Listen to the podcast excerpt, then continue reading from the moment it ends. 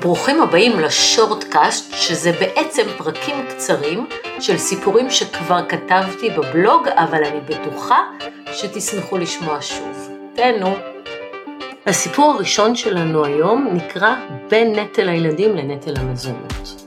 היא התגרשה ממנו לפני עשור כי הוא היה פסיב אגרסיב והמשפחה הייתה בתחתית סדר העדיפויות שלו. הם הגיעו להסכם גירושים סטנדרטי, הם מכרו את הדירה, חילקו את התמורה, מה שהם קיבלו חצי חצי, קבעו הסדרי שהייה סטנדרטיים וסכום מזונות די נמוך. מה שהיא עשתה עם מחצית הדירה זה שהיא רכשה דירה על הנייר מקבלן, עברה לגור אצל ההורים שלה בנתניה לשנתיים והסיעה את הילדים הלוך חזור לתל אביב בשביל לשמור להם על מסגרות החינוך. מה שהוא עשה עם מחצית הדירה זה שהוא החליט למנף את הכסף, השקיע בכמה נכסי נדל"ן וקנה מכונית ספורט. נשות תל אביב התעלפו מהחתיך שמגיע במכונית ספורט עם גג פתוח וזורק משפטים על השקעות בנדל"ן.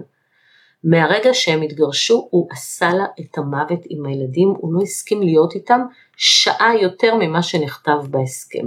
הוא לא הסכים לקחת חלק בהסעתם לחוגים או להשתתף באיזה שהן מטלות הוריות.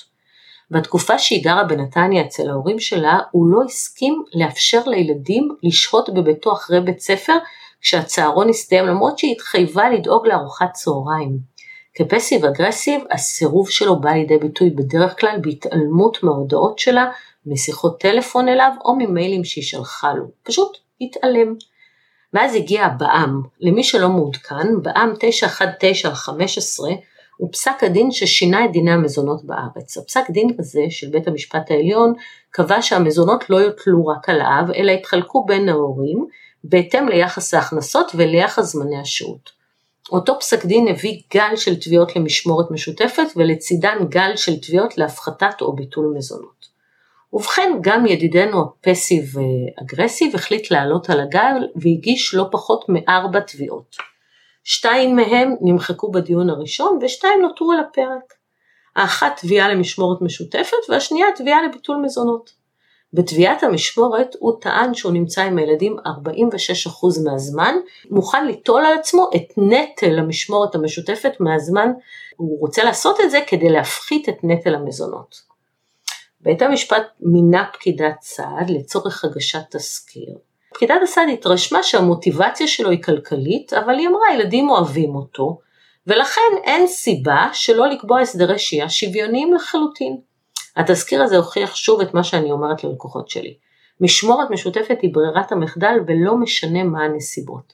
בית המשפט קבע שאין סיבה שלא לאמץ את המלצות התזכיר, גם אם המוטיבציה של האב היא כלכלית. ולכל המתקוממים, כן, אני בעד משמורת משותפת ושוויון, אבל לא ממניעים כלכליים. כשילדים הם נטל, והם צריכים לישון בכל לילה במיטה אחרת בגלל מוטיבציה כלכלית של אחד ההורים, בסוף הם אלו שנפגעים. הבעיה עם ההסדרים השוויוניים שנקבעו הייתה שהוא לא היה ערוך לכל הטוב הזה במרכאות שנפל עליו, או במילים אחרות, את נטל הילדים הוא העביר לאבא שלו הקשיש שעבר לגור בבניין שלו ושימש לו גיבוי לשהייה עם הילדים, כי העבודה שלו לא באמת אפשרה לו להתמודד עם הנטל הזה שנפל על כתפיו. במקביל הוא המשיך להפיל עליה את כל האחריות לתפעול השוטף של הילדים בשיטת הפסיב אגרסיב שלו, ותוך שהוא שוכח שקרמה איזה ביץ' וצריך להיזהר ממנה. עכשיו נותר להתמודד עם המטרה הסופית שלו, ביטול המזונות. התביעה הזאת התנהלה מתחילתה ועד סופה, דיון, קדם משפט, תצהירים, חקירות סיכומים בעל פה ופסק דין. השופט קיבל את עמדתנו שאין כאן שינוי נסיבות, הרי קודם טענת שאתה שוהה עם הילדים 46% מהזמן. תוספת של 4% היא צפויה והיא לא מהווה עילה לביטול מזונות. ממילא השתכנעתי שהאם היא ההורה המרכז ושסכום המזונות שהוסכם הוא מינימלי, המשיך השופט והכתיב עשרה עמודי פסק דין, בסופם דחה את התביעה וחייב אותו ב-20 אלף שקלים והוצאות משפט. הסיפור השני שלנו להיום נקרא סודות ושקרים. אחרי 13 שנות נישואים הסקס ביניהם הלך ופחת עד שנפסק לחלוטין. הוא רמז לה שהיא שמנה ומוזנחת והיא נעלבה ואחזה בעלבונה גם כשהוא ניסה פעם במאה שנה היא הזכירה לו שהיא שמנה ומוזנחת וסובבה את הגב. הנישואים שלהם הפכו למפעל לגידול הילדים ובתור מנהלי המפעל הם היו מצטיינים והסתדרו מצוין. לאט לאט ובמחשכים כל אחד מהם פיתח עולם סודי משלו. לה היה מאהב שאהב אותה כמו שהיא, שמנמנה וחמימה, ולמרות שהיה נשוי לדוגמנית עבר, רזונה והקור שנדף ממנה כלפיו גרמו לו לחפש חום ורוך בחוץ. וכך במשך כמה שנים הם קראו לעצמם תקע ושקע ונפגשו פעמיים בשבוע לשעתיים במלון בתל אביב. בעלה שראה בה אישה שמנה ומוזנחת לא העלה על דעתו שמישהו אחר מתענג עימה ושהיא בוגדת בו ומעולם לא שאל או חיטט. הוא לעומתה, לעומתה נהג לשחק פוקר עם חברים פעמיים בשבוע והיה צלם חובב. מאחורי שני התחביבים האלה הסתדרו שני סודות אפלים. את ערבי הפוקר הוא נהג לסיים אצל נערת ליווי יוקרתית בדירת סטודיו מעוצבת לא רחוק מהמלון בו היא נהגה לפגוש את המאהב בשעות היום. עם המצלמה הוא צילם בסתר נשים ברגעים אינטימיים, מסתבר שהוא נהג לקחת חדר בבית מלון ולשבת כמה שעות עם המצלמה המקצועית שלו ולצפות בנשים בחדרים ממול, מנסה לתפוס בעדשתו מישהי שבדיוק יצאה מהמקלחת ומתלבשת, או כזאת שמתפשטת כדי להיכנס למקלחת, ואם היא גם הולכת לשירותים ולא סוגרת את הדלת, זה בכלל מצוין. את הצילומים האלו הוא שמר בתיקייה מיוחדת במחשב שלו, וצפה בהם תוך שהוא מענג את עצמו. היו לו מאות צילומים של נשים בכל הגילאים ובכל הגדלים. כשצפיתי בחלק מהתמונות והסרטונים, אחזה בי מועקה קשה. אני לא חושבת שאוכל להיות שוב במלון בלי לבדוק טוב טוב שכל החלונות סגורים, המחשבה שאיזה סוטה מצלם אותי מרחוק מעוררת חלחלה. כדי לממן את הפעילות הענפה הזאת הוא נזקק לכסף והיא הייתה מנהלת מפעל יעילה וידעה בדיוק מה קורה בעובר ושב שלהם. ואז בשביל שהיא לא תדע הוא פתח חשבון נפרד ובכל פעם שהוא קיבל בונוס ממקום העבודה הוא ביקש לפצל את התלוש לתלוש נפרד ולהפקיד את הבונוס בחשבון הנפרד שלו. ואיך אני יודעת את כל זה? ובכן, יום אחד הוא שכח את הלפטופ שלו בבית. הוא התקשר לחוץ מאוד ואמר לה שתבדוק שהלפטופ באמת נשאר בבית והוא לא איבד אותו איפשהו ומשהו בלחץ בקולו גרם לה לפתוח את הלפטופ.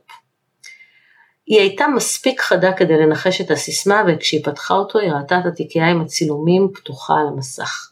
היא הבינה שנפתחה כאן תיבת פנדורה אבל בעלה היה אמור להגיע תוך כמה דקות והיא סגרה את הלפטופ והתקשרה לאחיה. היה לה אח עשיר מאוד שעשה אקזיט והיא ידעה שהיא תמיד תוכל להיעזר בו. כשהיא סיפרה לו מה ראתה במחשב הוא לקח אותה לחוקר פרטי שעובד איתו צמוד בעסקים ואמר לו שיש לו תקציב פתוח. במהלך שלושה שבועות החוקר גילה הכל. הוא הביא לה דפי חשבון מהחשבון הסודי שלו, הוא צילם אותו מצלם נשים בבית מלון ומגיע לנערת ליווי אחרי כל ערב פוקר והוא אפילו התקין מצלמה בחדר העבודה שלו בו הוא נהג להסתגר בערבים כשהיא צפתה בסדרות שלה בנטפליקס. היא באה להתייעץ איתי ואז היא נעלמה לשבועיים ואז היא התקשרה וסיפרה שהחליטה בסופו של דבר לא לעשות כלום כי ממילא התא המשפחתי שלהם לא היה אלא מפעל מנוהל והיא פחדה מהמילה גירושים כמו ממחלה. ואז היא הגיעה אל היישוב אחרי שבועיים, אוחזת בידה בקשה ליישוב סכסוך שהוא הגיש בבית הדין הרבני. מסתבר שהיא שכחה את הטלפון בשירותים והוא ראה את התכתובת וואטסאפ שלה עם המאהב. הוא הוכה בתדהמה כי הוא לא העלה על דעתו שמישהו אחר חושק בה יצא מהשירותים מנופף בטלפון צועק ומקלל זה הסוף שלך חתיכת זונה אני אשאיר אותך בלי כלום. היא בכתה והתחננה ולא אמרה מילה על מה שהיא יודעת. היא נכנסה למיטה והיא כיסתה את הראש וקיוותה שכשהיא תקום בבוקר היא תגלה שזה רק חלום רע, כשהיא מצאה כוח לקום למחרת היא גילתה שהוא כבר רץ לבית הדין הרבני.